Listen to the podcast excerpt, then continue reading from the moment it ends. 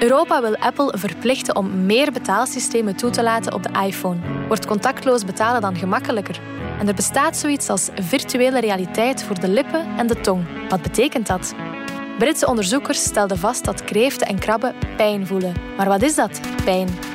We mogen ons daarnaast opmaken om een nieuwe seconde te leren meten. En dat is niet onbelangrijk. Het is vrijdag 6 mei. Ik ben Marie Garé en van de Standaard is dit Bits en Atomen.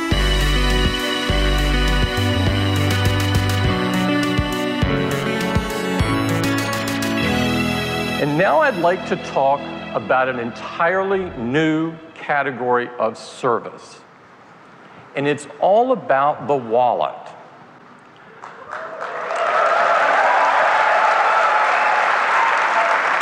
Our vision is to replace this. Dominique Dekmijn, technologiejournalist, en Pieter van Doren, wetenschapsjournalist. Dominique, Europa wil Apple in een hoekje dringen voor het betaalsysteem. Maar hoe zit dat juist? Ja, uh, dus wij betalen steeds vaker. Uh, contactloos. En dat gebeurt ofwel met onze bankkaart, maar ook met de smartphone. En het gaat over die smartphone-betalingen. Apple heeft daar zijn eigen systeem voor. We've created an entirely new payment process. And we call it Apple Pay. Apple Pay. This is an iPhone.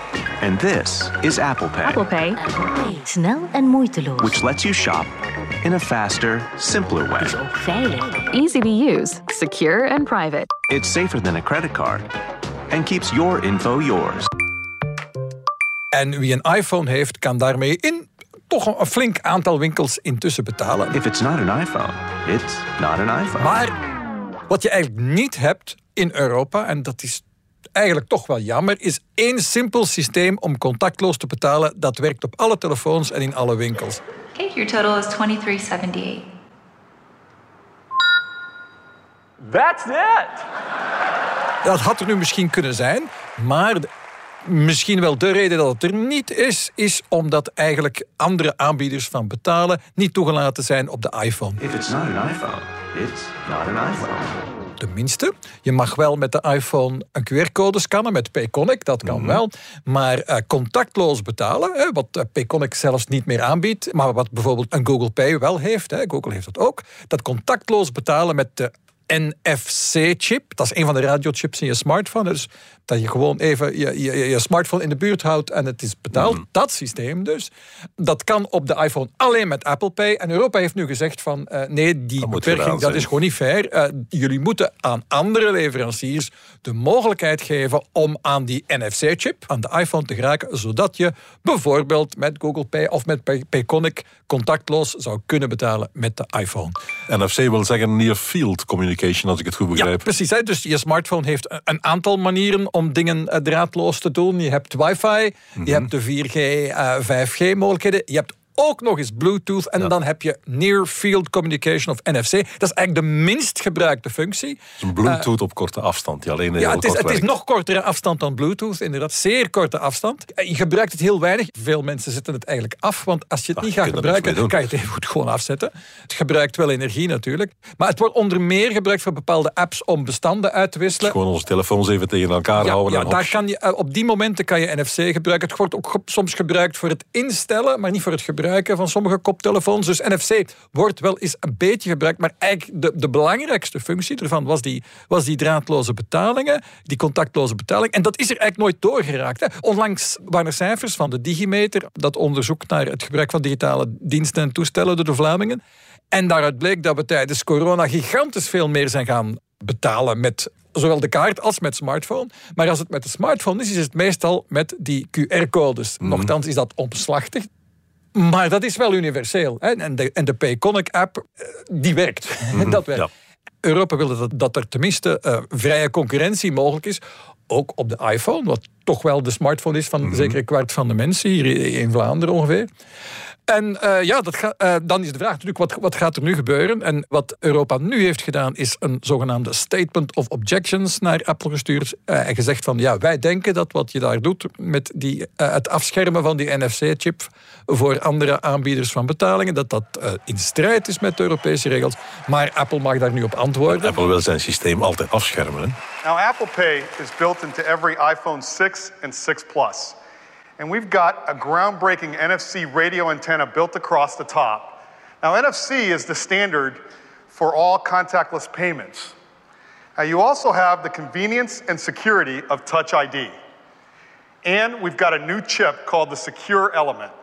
And it's built into every iPhone 6, and it stores all of your payment information encrypted and securely. Ik begrijp ze ergens. Ja, zij zeggen van ja, kijk, dat is een kwestie van veiligheid. Hè. Eh, Als we die NFC-chip, die toch voor zoiets vitaal gebruikt wordt als betalingen, hè, want het, het gaat dan echt van je bankrekening af. Als we dat gaan toelaten, dat andere bedrijven dat gaan gebruiken, ja, dan weet je nooit wat er allemaal zou kunnen mislopen. Dus het is veel veiliger als we het allemaal voor ons houden. Wat een redelijk argument is, hè, dus, dus absoluut. Maar ja, door het feit dat ze het afschermen, heb je nu niet zoiets als een dienst die overal werkt. Het is op iPhone moet het Apple Pay zijn, wat trouwens voor winkeliers blijkbaar een relatief dure dienst is om aan te bieden. Dat krijg je dan ook nog.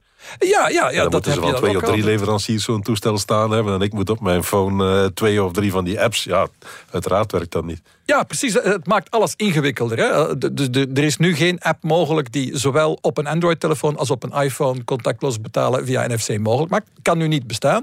Als Europa dat kan afdwingen, en dat is natuurlijk nog maar even afwachten, dan bestaat de kans dat dat draadloos betalen met die NFC-chip in je smartphone, dat dat er toch nog komt.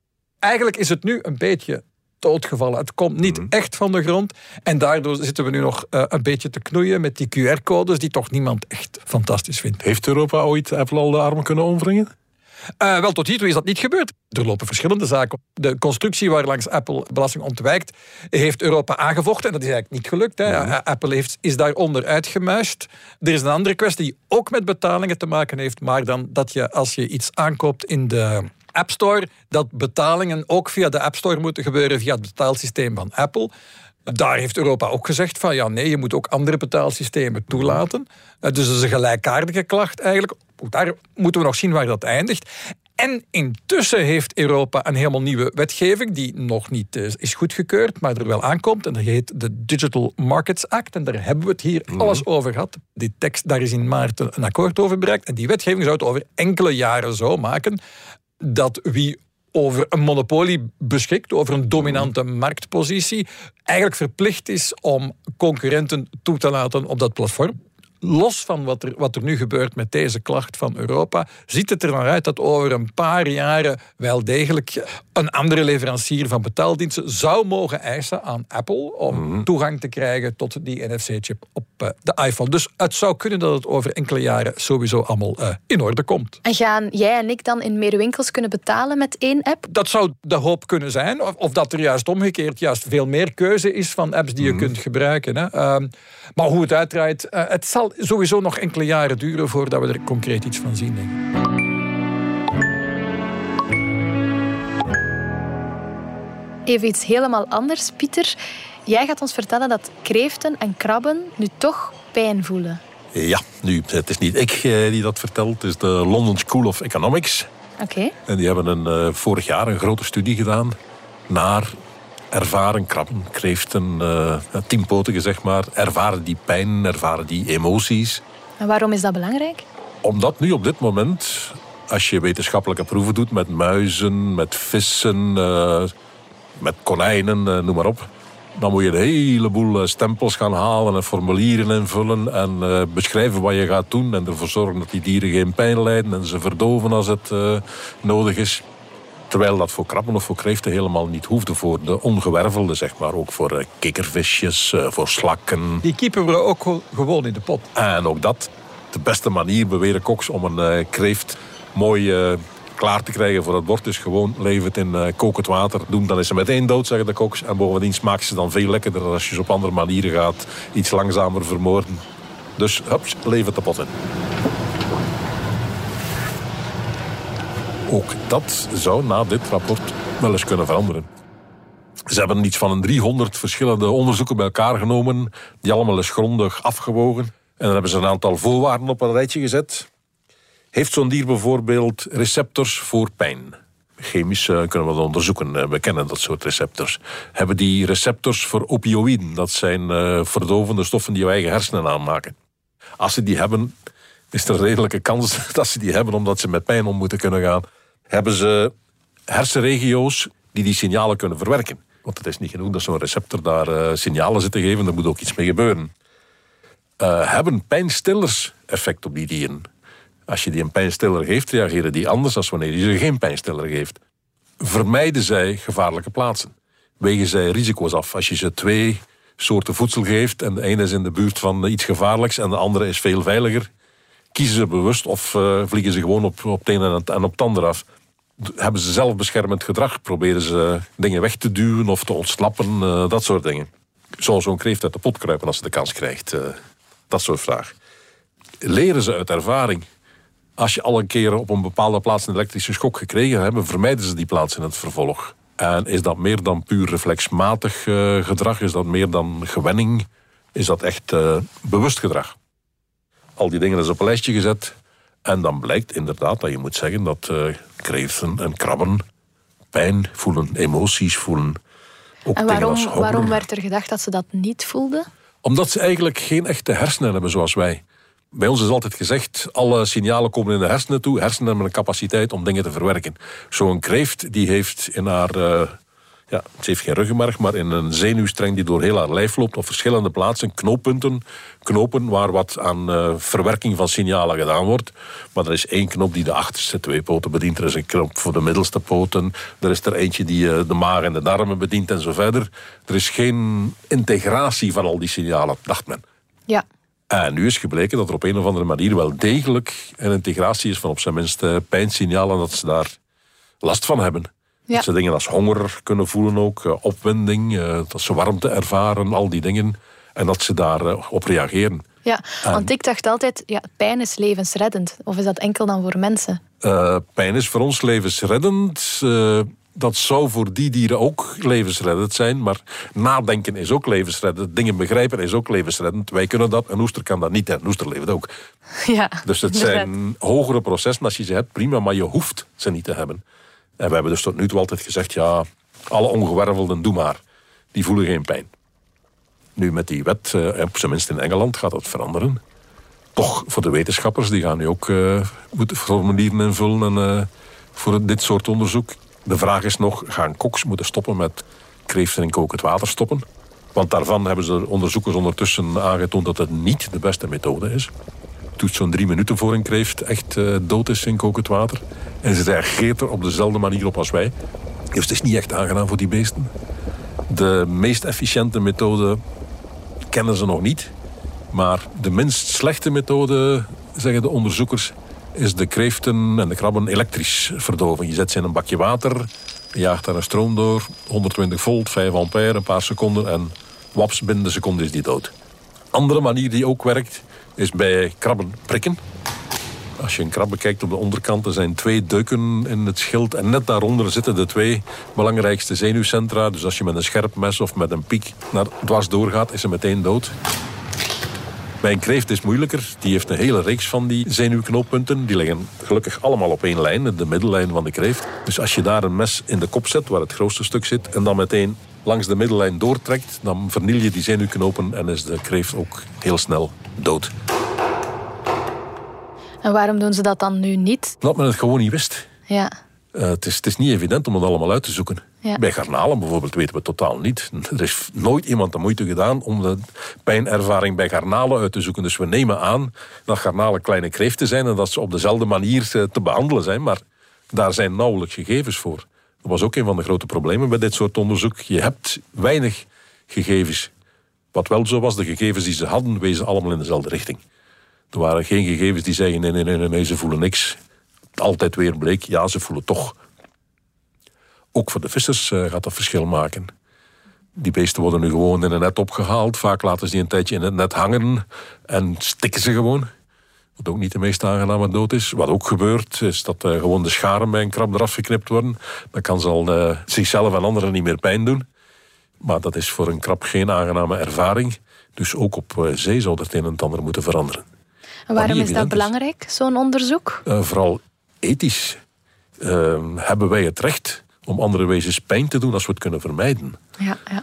En ja, voor ratten en vissen hebben we dat al gezegd. Nee, als je, die wil, als je daar onderzoek mee wil doen, moet je dat op een ethische manier doen. Maar je moet eerst uitzoeken of ze wel pijn Maar je kunnen moet eerst voelen. uitzoeken of ze wel pijn hebben. Nu, het is, het is allemaal niet zo evident. Bart de Stroper bijvoorbeeld, een van onze grootste wetenschappers van dit moment, eh, Alzheimer-onderzoeker, die heeft er onlangs nog over geklaagd. Eh, ik heb heel veel muizen nodig voor mijn onderzoek naar Alzheimer, want Alzheimer is een hersenprobleem, dus je moet dieren hebben met hersens. Ik moet daar eindeloos veel aanvragen voor indienen. Maar als er in het laboratoriumgebouw ergens een eh, wilde muis ontdekt wordt, dan bellen ze gewoon de verdelgingsdienst. Die komt, die strooit vergif. En die muizen hebben een do- doodstrijd van dagen eer ze dood zijn. En dat mag gewoon. Dus ja, we hebben nog werk.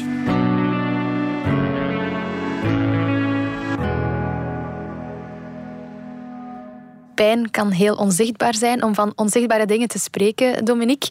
In de virtuele realiteit kan je nu ook voelen en smaken en misschien ook pijn voelen. Ehm, nou, voelen, voelen dus, ja, smaken niet helemaal, maar het gaat om het volgende. De Carnegie Mellon Universiteit heeft een test gedaan van een VR-bril. Een VR-bril is een bril die je op je neus zet en dan word je ondergedompeld in een andere wereld. Maar die andere wereld kun je niet voelen. Je kunt hem wel zien, maar je kunt hem niet voelen. En Behalve als je tegen een muurtje loopt. Behalve, nee, dat kun je dus wel. Als je, als, je, als je hard springt in virtuele realiteit, dan bots je wel eens tegen de hoek van de tafel of van een kast eh, die in de echte wereld staat. Eh, maar dat is een ander verhaal.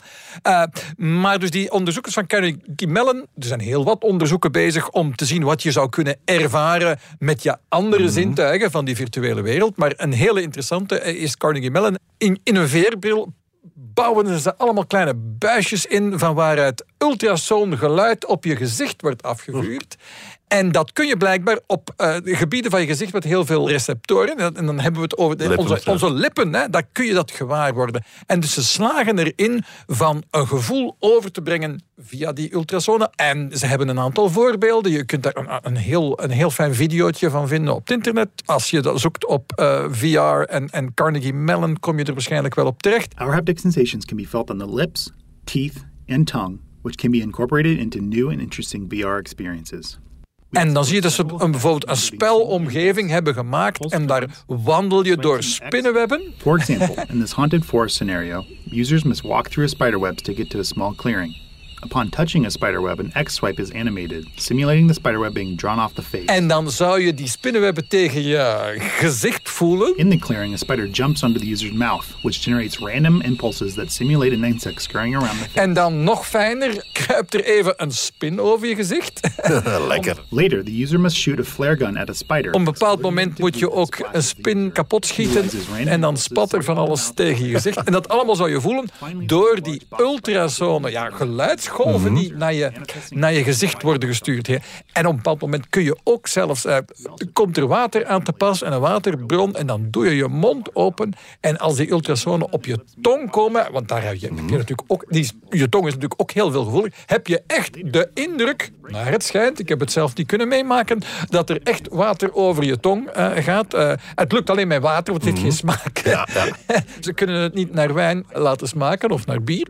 Maar je kunt wel degelijk het gevoel hebben alsof je iets aan het drinken bent, terwijl er helemaal niks is. Finally, the user brushes their teeth before returning to work. Upon lifting the toothbrush to their mouth, our system animates a haptic node moving back and forth. Dat het moet wel nuttig? ervaring zijn.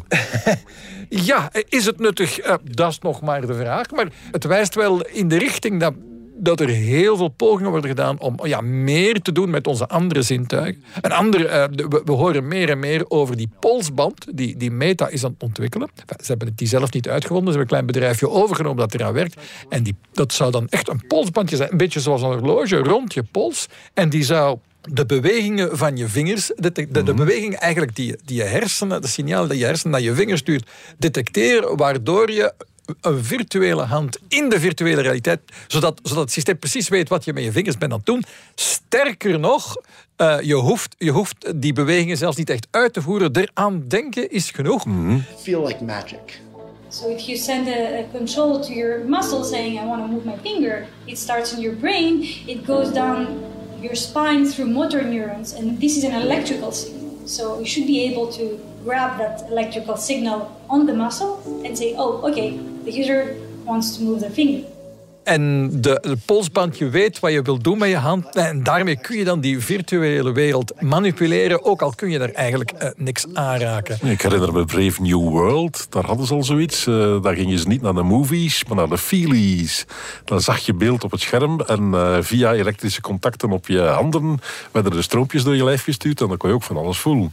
Ja, dat is effectief wat dat we proberen te doen. Hè. Met allerlei middelen. Mhm. Trillingen of elektrische golfjes of, of in dit geval geluidsgolven. En proberen iets over te brengen en dan heb je ook, ook de, de, meer extreme manieren waarbij je mensen echt in zo'n exoskelet steekt. Mhm. hè, met speciale handschoenen. Maar dat is al wat omslachtiger, want dan moet je al een, een speciaal pak en speciale handschoenen aantrekken. alvorens je de VR induikt. Maar eh, die technieken worden ook allemaal gebruikt. Hè. Ik wacht toch op de smaak van wijn. Uh, ja, wie weet. Hè. Er was in ieder geval een verhaal dat we dan uiteindelijk niet hebben in deze bits en atomen meegepakt. Ik geloof dat het van vorige week was, of de week ervoor zelfs.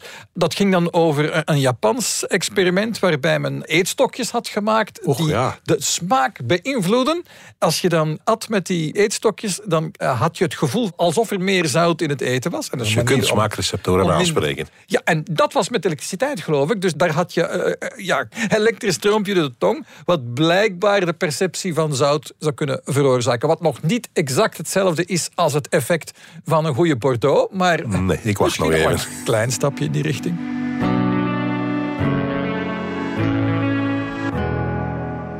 Pieter, jij komt ons dan ook nog vertellen over dat de tijd toch misschien een beetje er anders gaat uitzien binnenkort. Ja. Als het goed is, krijgen we binnenkort een nieuwe seconde. Een nieuwe seconde. Het is te zeggen, het is dezelfde als de vorige, alleen hij is veel en veel nauwkeuriger gedefinieerd. Oké. En dat is nuttig voor heel diep bazaal wetenschappelijk onderzoek. Zwaartekrachtgolven, donkere materie, dat soort dingen die we nu onmogelijk begrijpen. Daarvoor moet je heel fijn en heel nauwkeurig kunnen meten. Wat betekent dat je met heel fijne eenheden eh, moet kunnen meten. En de seconde is er daar eentje van. Dat is allemaal begonnen eigenlijk in de Franse revolutie. De Franse revolutionairen wilden de hele wereld hervormen en eh, alles moest rationeel zijn. Dus het moest nu eens eh, gedaan zijn met die chaos van eenheden die er was. De Mechelse L was niet even lang als de Leuvense L. En een pint was hier zoveel en was daar zoveel en zo verder. En de munten eh, varieerden continu. Dus ze hebben gezegd, nee, dat moet nu eens gedaan zijn. We gaan dat A, tiendelig maken. En B, rationeel. Dus een dag gedaan met 12 uur, die dan 60 minuten. Nee, nee, nee. Een dag is 10 uur van 100 minuten. En elke minuut is 100 seconden. Basta. Zo gaan we dat doen. U heeft niet gepakt. heeft wel gewerkt voor inderdaad afstanden, gewichten, volumes, inhouden, waar inderdaad op elke plaats het weer anders was. Maar tijd was nu toevallig iets dat over heel Europa hetzelfde was. Iedereen gebruikte dezelfde klokken, iedereen gebruikte dezelfde kalender, want ze wilden ook eh, de jaarkalender veranderen. eh, weken van 10 dagen, maanden van 30 dagen. Wat, ook dat heeft dus niet gepakt. En ze vonden de eenheden die we gaan gebruiken vanaf nu moeten een basis hebben in de werkelijkheid. Dus als we een nieuwe lengte-eenheid, kom, we gaan hem de meter noemen. Als we die willen gaan definiëren, dat moet met de werkelijkheid te maken hebben. Je moet dat kunnen nameten. En hebben ze gezegd, oké, we pakken het 10 miljardste deel van de omtrek van de aarde, gemeten op een meridiaan die door Parijs loopt, uiteraard. En dan zijn ze begonnen met die meridiaan af te meten zijn ze in Duinkerke begonnen. En hebben ze het stuk tot in Barcelona helemaal afgemeten. Dat was dan eh, een deel van die hele meridiaan, maar dan konden ze dat wel omrekenen naar de hele. En dan wisten ze hoe lang een meter nu uiteindelijk zou moeten zijn. Dat heeft zeven jaar geduurd. Gruwelijk werk. Ja. Want dat lijkt allemaal niks eventjes gaan meten, maar je moet dus door murassen. eh, plots sta je met je voeten in een rivier. eh, zo. Je moet bergen over, dwars door de bossen. eh, dan staat er een dorp in de weg. En, ah ja, gruwelijk. Hebben ze voor alle veiligheid in Peru ook nog een stuk nagemeten. Dat was nog gruwelijker. Maar goed, ze wisten dus hoe lang de omtrek van de aarde was. En ze hebben gezegd, het zoveelste deel daarvan, dat is onze meter. Ja, dat is leuk als eenheid, maar probeer dat maar, probeer dat maar te eiken. Als er daar eh, een of andere kleermaker met zijn eh, meetstok komt en zegt... kun je nog eens zien of die niet afgesleten is? Dan moet je hem ergens met een standaard kunnen vergelijken. Je kunt moeilijk terug van Barcelona naar eh, zo verder trekken. Dus hebben ze gezegd, oké, we gaan onze meter omzetten in een staaf van iridium. En die bewaren we onder vacuüm, drie vacuümklokken erover. Eh, heeft een tijd goed gewerkt. Voor de seconde was het ook gemakkelijk. Je kunt exact meten wat een dag is. Moet naar de sterren kijken gewoon. Dus met eh, voldoende astronomische observatoria kun je perfect de lengte van een dag meten. En dan zeg je, oké, een dag is 12 uur. Sorry jongens, geen 10, maar 12 uur van 60 minuten. Elke minuut is 60 seconden. Dus je weet eh 1,86.400ste van een dag. Dat is onze seconde. Geen probleem. Dus dat was ook de definitie. Alleen blijkt een dag niet altijd even lang te zijn. De aarde draait rond, maar dat is niet perfect stabiel. Dat schommelt een beetje heen en weer. En bovendien, over de langere tijd gezien, over duizenden, miljoenen jaren, vertraagt de aarde. We zijn al uren trager dan we ooit waren. De aarde draait steeds maar trager en trager rond haar eigen as. Dus de dag wordt altijd maar langer en langer. Dus die seconden zou ook telkens moeten gaan mee opgerokken worden als de dag wat opgerokken wordt. Dat was niet te doen. Dus hebben ze op een bepaald moment gezegd: oké, we nemen een vaste seconde. Dit is hem. En als de dag die we aan de sterren meten te veel begint af te wijken van uh, onze seconden, dan uh, duwen we er af en toe met nieuwjaar midden in de nacht een extra secondje bij. En dan wordt het jaar die uh, nacht één seconde extra lang. Een schrikkelseconde heet dat dan. Okay. In het begin van mijn carrière heb ik die heel vaak moeten aankondigen in de krant, zo om de twee jaar. De jongste tijd is het veel minder, dus op dit moment is de aarde blijkbaar relatief stabiel. Dus, blijft dan hetzelfde tempo doordraaien. Dus we moeten geen schrikkelsecondes gaan invoegen om de dag nog altijd 86.400 seconden lang te laten zijn. Ja. Langzamerhand is men dan overgeschakeld op atoomklokken, die nog weer nauwkeuriger waren dan een mechanische klok. En dan moest je een cesiumatoom laten trillen. En die trillingen tellen en zoveel miljoen trillingen was dan één seconde. Nu zijn we zover dat die atoomklokken ook weer nauwkeuriger en nauwkeuriger kunnen worden. Cesium trilt nog tamelijk traag. Ondertussen zijn ze klokken aan het ontwikkelen van uh, ytterbium, strontium, kwik, aluminium en nog een paar. Allemaal atomen die veel sneller trillen. Wat dat betekent dat je er veel nauwkeuriger kunt mee meten. Het is een gruwelijk gedoe om te meten. Je hebt apparatuur van een kamer groot nodig trillingsvrije tafels die op veren staan, die weer op betonblokken staan, die onafhankelijk zijn van het gebouw en zelf weer op rubberblokken staan. En een heleboel gedoe met lasers die dan met elkaar in interferentie gaan. En moet je dan nauwkeurig afstellen dat de kleur van die lasers enzovoort enzovoort. Het is, het is gruwelijk, maar het is dus heel precies. Zo precies. In Boulder in Colorado, waar, in Amerika, waar hun uh, instituut voor metingen staat, daar hebben ze drie atoomklokken. En ze krijgen die niet gesynchroniseerd. Dus van die, die supersnelle, die, die heel nauwkeurige. En wat blijkt? Die staan niet allemaal even hoog. Er is er eentje die een centimeter hoger staat dan de andere. Dus ietsje meer zwaartekracht. En uh, sedert meneer Einstein weten we dat uh, tijd rekbaar is. Als je te snel uh, beweegt gaat de tijd anders. Maar ook als je in de buurt van een massa komt, verandert de tijd een beetje. En die ene centimeter aarde is genoeg om die twee klokken dus niet meer perfect gelijk te laten lopen tot op de nauwkeurigheid waarmee ze nu gaan meten. Dus ze hebben nog een beetje werk om exact te definiëren welke klok gaan we gebruiken, op welke manier. Ze denken dat binnen een jaar of vier eh, allemaal uitgevogeld te hebben van zo moeten we het praktisch doen. En dit is praktisch haalbaar en het is stabiel en het heeft, het wordt zo weinig mogelijk eh, met interferentie geconfronteerd en het is nog doenbaar. Je hebt er geen heel gebouw voor nodig. Je kunt het nog in één kamer doen. En tegen 2030 denken ze dat we aan de nieuwe seconde toe zijn. En dat heeft wel heel wat implicaties ook voor ons, denk ik. Wel, in de praktijk, wij zullen het niet zo voelen omdat wij nooit zo nauwkeurig moeten zijn, maar onze toestellen gaan het wel Ja. voelen. Onze GPS bijvoorbeeld. Onze GPS meet geen afstanden. Onze GPS meet tijd. Die meet hoeveel tijd een signaal nodig heeft om van hier naar daar te gaan. Ja. De lichtsnelheid. Mhm. En eh, als je die lichtsnelheid nauwkeuriger kunt meten, omdat je seconde nauwkeuriger gedefinieerd is, kun je ook die lichtsnelheid of die eh, tijd dat het licht eh, gereisd heeft, nauwkeuriger omzetten in afstanden. Dus met nieuwe klokken gaat onze tijdmeting, of onze afstandsmeting, die van onze GPS gaat een heel stuk beter worden. En ja, op, eh, voor de wetenschappen op schaal van het heelal is dat ook nog veel belangrijker. Dan worden de afstanden nog veel groter. En hoe nauwkeuriger je daar kunt meten, dan kun je misschien aan dingen beginnen waar we nu alleen maar verwonderd kunnen staan aan kijken.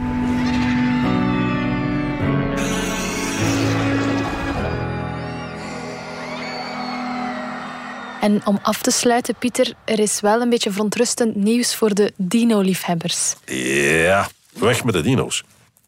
Weg met de dino's. Ja, eh, in Amerika heeft een eh, onderzoeksbureau, YouGov, een eh, enquête gedaan bij zoveel duizend Amerikanen. En die hebben onder andere gevraagd: Vind jij dat wetenschappers die bezig zijn met het terughalen van uitgestorven rassen, of die gesteund moeten worden, moeten die geld krijgen om een onderzoek te doen? En driekwart van de mensen zegt. "Hmm, als het gaat over redden van soorten die bijna uitgestorven zijn, prima, geef ze maar geld. Maar als het gaat over terughalen. eh, eh, eh. Jurassic Park. Ja. Ja, Jurassic Park, dat soort toestanden. Eén op drie zegt dan, ja, doe maar. Laat ze op zijn minst onderzoek doen. Al de rest zegt, blijf er maar af. Volgende vraag.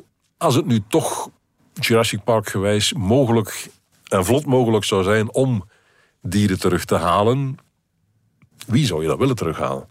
En helemaal bovenaan de lijst staat dan de Galapagos schildpad. Die hele grote reuzenschildpadden van de Galapagos. Blijkbaar zijn dat lieve beesten. Maar die zijn toch nog niet uitgestorven, of wel? Een aantal ervan wel. Want eigenlijk eh, per eiland had je een andere schildpad. De Ah, ja. Pinto-schildpad op het eiland Pinto en zo verder. En een aantal daarvan zijn inderdaad uitgestorven. Er is er eentje geweest, hij heette Lonesome Fred, geloof ik. Die jaren de laatste van zijn soort was. Alleen was Fred een vrouwtje, hebben ze achteraf ook nog ontdekt. Maar goed, er was geen mannetje meer voor. Dus eh, iets van een 50% zegt, oké, eh, laat de Galapagos-schildpad maar terugkomen, dan kunnen we mee leven. 40% eh, zegt, de dodo, haal maar terug. Hij was niet tevreden, hij smaakte gruwelijk. Maar het was zo'n leuke vogel, kom aan, laat maar komen. En dan zegt het al snel, de mammoet, 25% zegt nog, ja, doe maar. Daar in de toendra is er hier en daar nog wel plaats voor een paar mammoet. En nou, ze zijn toch aaibaar, laat maar komen. Maar als je bij de dino's komt, T-Rex, 10%. En het is niet alleen omdat T-Rex nu zo een eh, vervaarlijke was. Het geldt ook voor andere dino's. De Triceratops, 12%. Pterodactylus, 11%. Dus de Amerikanen zeggen eigenlijk in grote getalen... dino's hebben een tijd gehad, ze hebben een kans gekregen, ze hebben ze verknoeid. Ze zijn weg, laat ze maar weg. We hoeven ze echt niet terug. Ja, natuurlijk heel veel spannende achtervolgingsscènes in de Jurassic Park films gezien ook natuurlijk. Dat zal wel meespelen. Misschien geen reclame. En eh, in elk geval hebben ze het zeker aan mijn kleinzoon van vijf niet gevraagd, want die denkt daar heel anders over. Kleine kinderen willen wel heel graag dino's en zo verder. Dus het, eh, ja, je moet dat ook niet eh, te zwaar nemen. Dat soort onderzoeken trouwens. Hebben we trouwens nog iets gehoord van het plan om de mammoet terug te brengen? Want daar hebben we het hier eh, vorig jaar nog over gehad, geloof ik. Dat was Men is daar nog altijd mee bezig, maar het is niet zo evident. Eh, je moet mammoetgenen uit ah, oude mammoetkarkassen halen. Dat lukt redelijk, maar niet volledig. Dan moet je die genen inbrengen in het ei van een olifant. De dichtst nog levende buur van de, de mammoet. En dan moet je dat ei gaan implanten in de baarmoeder van een vrouwelijke olifant. Is nog nooit gedaan. En we weten diersoort per diersoort dat dat niet evident is, dat je het voor alle diersoorten opnieuw moet leren. Eh, dan moet nog blijken of die olifant dat afwijkende ei aanvaardt. En of die dracht eh, voleindigd gaat worden. En dan heb je misschien iets dat een beetje op een mammoet lijkt. Het zal nooit een 100% mammoet zijn, 99% misschien. En dat zal nog wel een tijdje duren. Men probeert het nu met eh, ratten, dat is iets eenvoudiger. De Christmas Island rat, 120 jaar geleden uitgestorven. Maar we hebben daar nog wel wat monsters huid en zo. Dus we hebben daar bijna alle genen van, een paar voor de geur niet. Die zou je dan moeten inbrengen in het ei van een bruine rat. Daar hoeft niet al te veel aan geknutseld te worden. En die bruine rat zou dan Christmas Island ratten kunnen terughalen. Nu, ik denk niet dat er veel mensen zijn die geld willen geven aan onderzoek om eh, nog extra ratten te maken. Maar daar zit eh, de wetenschap ongeveer. Nu nog even terug naar eh, daarnet, het, de waarde van dat onderzoek. Er is ook aan de Amerikanen gevraagd: denk je dat er vandaag nog dino's rondlopen? En dan zegt één op twee: ja, ja. Dus de kennis over de dino's is niet zo Eh, sterk. nee, er is en ook gevraagd: ken jij een aantal dino's? Ja, T-Rex kunnen ze wel opnoemen en nog een paar. En er zijn ook gevraagd: en de Do you think Disaurus bestaat die? Ja, 60% zegt ja, die bestaat. Voor alle duidelijkheid, die bestaat niet. Ik heb er in elk geval nog nooit tegengekomen. En de dino's zijn wel degelijk uitgestorven. En eh, behalve het monster van Loch Ness zijn alle dino's uitgestorven. En de kakkerlakken. Oké, hartelijk bedankt Dominique en Pieter. Graag gedaan. Voilà. Dit was Bits en Atomen, onze wekelijkse podcast over wetenschap en technologie. Bedankt voor het luisteren. Download onze app DS Podcast of volg ons op Spotify, Apple Podcast of eender welk ander podcastplatform. Alle credits van de podcast die je net hoorde vind je op standaard.be/slash podcast. Reageren kan via podcast.standaard.be. En volgende week zijn we er opnieuw.